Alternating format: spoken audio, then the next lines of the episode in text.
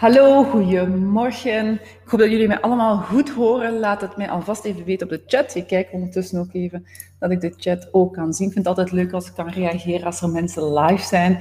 Een tip trouwens voor iedereen. Als je een live doet, dan duurt het ongeveer 50 seconden tegen dat mensen ook jou kunnen zien. Dus het duurt altijd, altijd even tegen dat mensen in verbinding zijn met jou. Nu, vandaag wil ik even stilstaan bij wat is nu het verschil tussen coaching, mentoring, training en advies? Want daar is toch wel wat misverstand van. En ik werd getriggerd omdat er uh, iemand mij contacteerde op basis van de Coach Intensive die 13 september start. Dat is een heel succesvolle opleiding waar ondertussen al 7000 coaches aan meegedaan hebben. En die we nu in 13 september in plaats van voor 1097 dat je gratis kan deelnemen. Heel simpel, gewoon ga naar elsvalaak.com slash coachintensive. Nu, ik werd er dus getriggerd. Um, er was een dame en die contacteerde ons en uh, die zei, ja, ik zou eigenlijk heel graag de opleiding bij jullie doen, dus de vervolgopleiding, de Breakthrough Coach opleiding. Ik zeg, ja, dat kan je eigenlijk heel helemaal doen. Ga maar eens gaan kijken naar de website en we kunnen elkaar dan wel even spreken. Nu, wat was daar gebeurd? Op een bepaald moment kwam daar een terugkoppeling en die zei, ja, maar ik ben eigenlijk al coach, ik moet eigenlijk geen coach hebben. Uh, dus ik ben eigenlijk de coach van de coach, zou je kunnen zeggen, uh, of de teacher van de coaches. En met onze Coach Academy, waar we mensen eigenlijk tot op uh, hoog niveau laten eh, de competenties aanleren om te coachen op niveau van missie, identiteit en beyond. En die vrouw begon mij eigenlijk helemaal te vertellen hoe ik mijn leven moest leiden. En dat is geen coaching. Nu ga ik jullie dus verschil brengen tussen coaching, mentoring en advies. Want dat wordt toch echt wel een beetje door elkaar gebruikt. Een coach gaat eigenlijk nooit zeggen hoe dat je bepaalde dingen dient te doen. Als een coach dat doet, dan zit hij eigenlijk meer in mentoring of zelfadvies. Ik, daar maak daar echt ook een distinctie in, want sommige mensen zouden kunnen zeggen, ja, als je advies geeft, dan ben je aan het mentoren. Ja en nee, dus dat ga ik ook wel even verduidelijken. Als je coacht, ben je echt helemaal overtuigd van de zelfsturendheid en zelfredzaamheid van je klant. Ja, je gelooft en je doet dat vanuit het functioneren vanuit I'm okay, you're okay, no judgment, dat, mensen oké zijn zoals ze zijn met de bagage die ze meedragen vanuit hun leven. Laat mij ook zeker even weten in de chat voor de mensen die live zijn dat jullie mij goed kunnen horen met mijn fantastische micro hier. Hè. Dan ik even checken dat jullie mij zeker goed horen. Laat het even weten. Dus dan ben je echt helemaal geïnteresseerd en je doet het echt vanuit het functioneren vanuit I'm okay, you're okay. No judgment, helemaal openstaan en hoe puurder dat jij bent als coach, als ik voor mezelf kijk, ik laat mezelf nog elke maand twee keer coachen en dan ben ik al 15 jaar lang aan het doen. En dan zouden mensen, sommige mensen kunnen zitten luisteren en denken, amai, die heeft wel precies wat issues. Ja, ik heb wel wat dingen meegemaakt in mijn leven en ik haal steeds angel per angel, haal ik eruit. Zo ben ik puurder en kan ik nog meer aanwezig zijn bij mijn klanten. En als je vanuit die aanwezigheid, pure presence, kan aanwezig zijn, dan kan je de juiste vragen stellen? Kan je de diep gaan, ingaan? Kan je de breakthrough-methodes gebruiken? Als je breakthrough-methodes gebruikt, zoals dat wij dat ook doen bij onze Breakthrough Academy. En dan kan je in die diepgang die angels uittrekken. En je hebt daarin als coach veel verschillende facetten nodig. Competenties, maar ook in je zijn. Je moet kunnen versnellen, kunnen vertragen, luid kunnen praten, en traag kunnen praten of zacht kunnen praten. Het kan van alles zijn die nodig is voor je coachie naar zijn, of jouw klant naar zijn next level te brengen. Je gaat dus niet aan de coachie zeggen, wat, aan de klant zeggen wat hij dient te doen. Nee, ik, ik heb zo'n heel mooi voorbeeld waar ik uh, vroeger in een andere coachingschool, waar ik uh, training ook gaf, waar ik ook de opleiding, opleiding gaf uh, voor mensen naar coach te laten evolueren. En in de geavanceerde opleiding, ik weet nog heel goed, dat daar iemand, en dat is een man, en ik moet er even mee lachen, omdat het ook wel aan de ene kant ook wel schattig is, zodat je soms vanuit je eigen filters, vanuit je eigen ideeën, uh, vanuit je eigen ervaringen mensen wilt sturen naar iets. En hij stelde wel vragen. En het was niet dat hij zei, je moet voor je probleem een to-do-list opstellen. Maar aan de hand van al zijn vragen die suggestief waren, was hij steeds richting die to-do-lijst aan het duwen eigenlijk, hè? die richting aan het duwen. En ik zei ook achteraf in de supervisie tegen hem, wat wil je eigenlijk als oplossing aanbieden? ah ja, ik, wou, ik vond eigenlijk een to-do-lijst perfect voor het probleem op te lossen. En dan, als je echt voelt van, ik word hier gestuurd en ik kan niet open blijven en blijven luisteren vanuit echte presence, dan is het beter dat je zoiets aanbrengt. Ja? En dan kan je een stukje in mentoring gaan. En mentoring is toch nog iets anders dan advies. Als je advies zou geven, dan zou je zeggen, ik vind dat je een to-do-lijst moet gebruiken. Dat is de weg te gaan. Ik heb het al met eh, heel veel klanten. Dit is de weg te gaan. Dit moet je doen, dit moet je doen. Je hoort het ook, het is heel directief. Als ik kijk naar die dame die mij vervolgens ehm, vertelde hoe ik mijn leven moest leiden, en die vertelde, um, die, ik had daar een heel lief berichtje gestuurd, en vervolgens had ze mij aangegeven van, je moet dit doen, je moet dat doen, en zo verder. En ik dacht, huh? Dat is eigenlijk adviesgevend. Want als je advies geeft, eh, is er een sturend karakter, is er ergens, voelde ook een beetje het stuk van I'm not okay, ah, ik ben blijkbaar niet goed genoeg of ik ben blijkbaar niet oké dat ik dat zelf niet weet of zelf niet kan handelen hoe dat ik hierop vooruit moet gaan.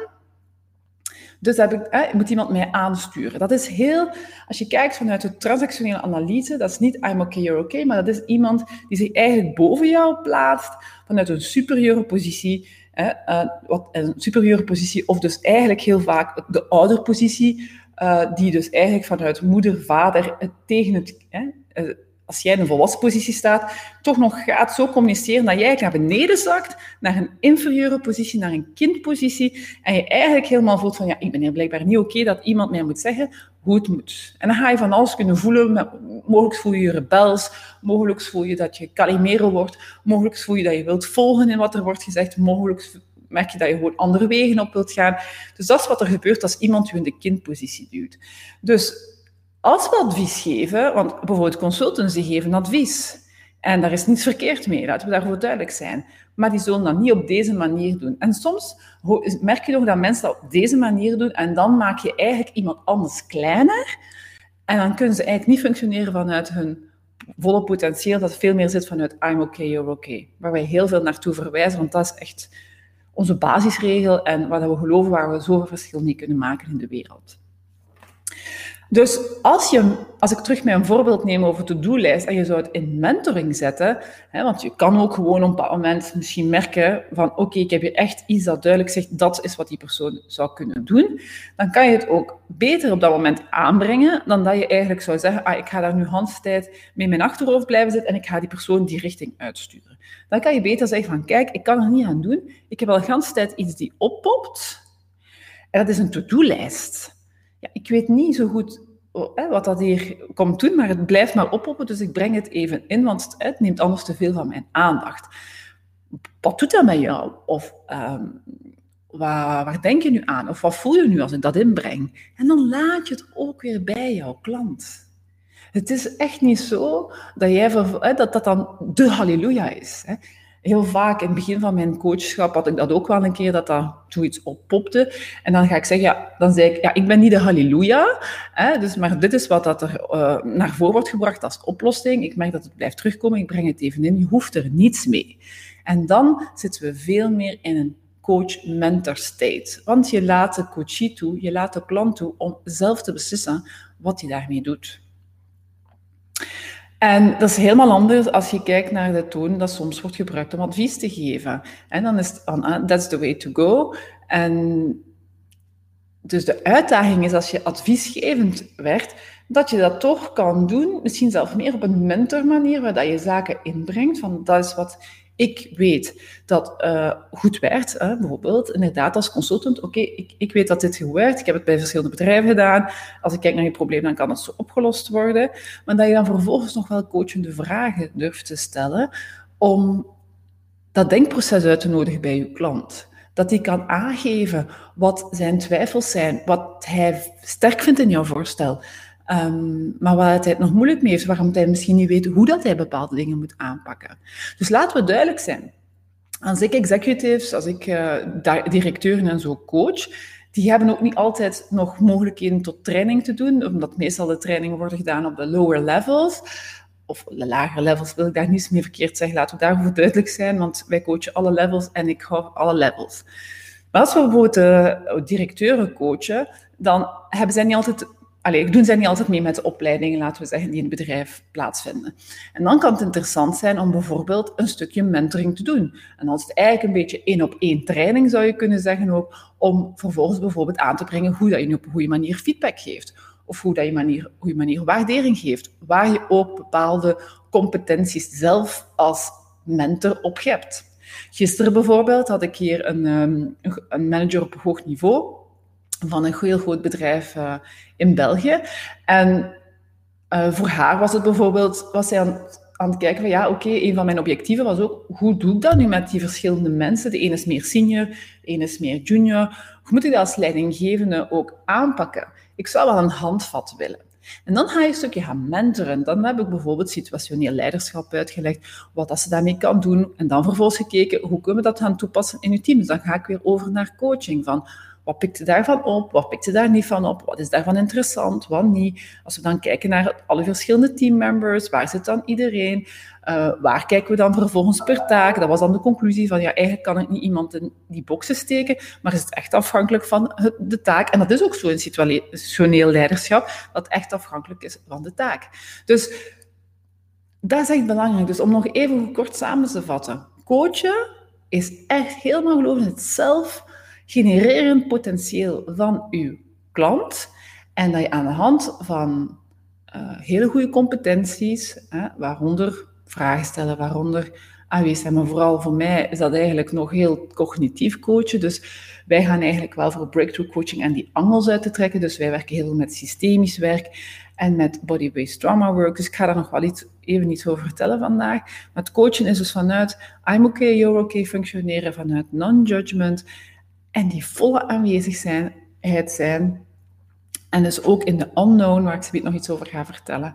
En vanuit daar het volle potentieel van uw klant toelaten. Mentoring breng je zelf een beetje input in op basis van de zaken die zich voordoen. Dan zeg je van, ja, dat lijkt mij goed, of dat is interessant, of hier kan ik jou iets over leggen, wat, uitleggen, wat denk je daarvan? En advies is echt zeggen, dit is wat jij dient te doen. Ja? Dus daar is een echt een distinctie in te maken. En wat we vaak opmerken, is dus dat mensen zich een coach noemen. En als ik dan bijvoorbeeld naar het voorbeeld kijk die ik helemaal in het begin van deze video aanbreng, dan kan je eigenlijk zien dat dat adviesgevend is. Dat dat niet mentoring is en dat is ook niet coaching. Um, die persoon um, gaf mij advies hoe ik mijn leven moet leiden en dat ik uh, zelfzorgtijd moet nemen en dat ik tijd met mijn kinderen dien te nemen. Terwijl ik nu ja, zeven weken vakantie heb genomen deze zomer en eigenlijk alles door mijn team heb laten doen en heel veel tijd met mijn kleine kinderen heb gespendeerd. Dus er was ook geen enkele vraag naar mij toe van hoe doe je dat vandaag? Of, of, of wat lukte daarin, wat lukte daar niet? Dat was eigenlijk een statement, een veroordeling, een oordeel op iets waar dus geen vragen bij gesteld werden. En dan kom je eigenlijk zelf op het randje, en dit was eigenlijk al de grens over, van ongevraagd advies. Dan word je zo'n soort van redder op het witte paard, waar niet iedereen achter vraagt. En dat is soms, waar dat je waarschijnlijk tegen een, tegenaan, um, ja, tegen een muur aan loopt, omdat mensen zoiets hebben van, ja, maar ik heb je toch helemaal niet gevraagd achter advies. Ik heb je toch helemaal niet gevraagd dat jij mij zegt hoe ik dingen moet doen. Um, en mensen gaan dat dus wel te vaak doen. En vaak is dat vanuit hun eigen filtering. En, van, en vaak is dat vanuit positieve intenties. Dus laten we duidelijk zijn, die mevrouw heeft dat gedaan vanuit haar positieve intenties naar mij toe. Dat ze zoiets heeft als, ah ja, oké, dus ik wil jou helpen. Ik denk dat jij een probleem hebt van zelfzorg. Maar dat is adviesgevend. Dat is geen coach. Dus dankjewel Brigitte om dat nog even aan te geven. Een coach heeft inderdaad geen advies. Kan wel mentoren. Dus maar dan moet je zelf beslissen voor jezelf, wil ik een coach-mentor zijn? Als ik kijk op de level van de directeurs en de gevestigde coaches die ik begeleid, dan heb ik ook wel vaak mentor-coaching nodig, of coach-mentoring nodig. Beide aspecten.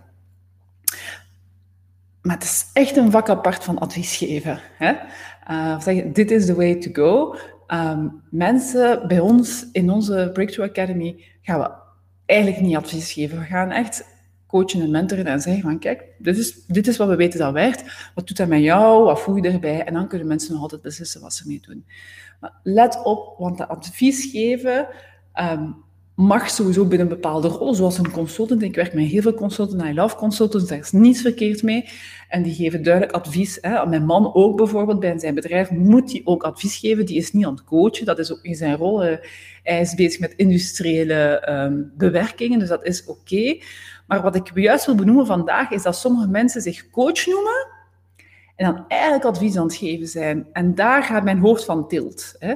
Want dan misbruiken we het woord coach en ja, misschien kan je dan beter tegen, van jezelf zeggen dat je een mentor bent, of een adviesgever, of een consultant, of zoiets, maar dat je niet het woord coach gebruikt. Ik heb dat ook zelf ook eens meegemaakt. Ik heb uh, uh, ooit 8000 euro betaald voor 8 uur coaching bij iemand die inderdaad zei van, ik ben een hele goede coach.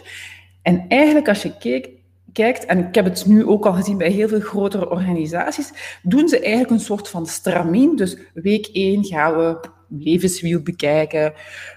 Week 2 gaan we dat bekijken, week 3 gaan we dat bekijken. En dat is eigenlijk heel sturend. Er worden bijna geen vragen gesteld. Ja, eigenlijk is dat mentor, ja, toch was dat toch al een beetje op de rand van mentoring adviesgevend. Dus ja, het is, ik heb er ook geen veroordeling op, laten we daarover duidelijk zijn, want ik functioneer echt vanuit I'm okay, you're okay. Het is alleen, wees daar voorzichtig mee, want als je jezelf coach noemt en je geeft dan vervolgens advies, dan maak je mensen ontzettend afhankelijk van jou.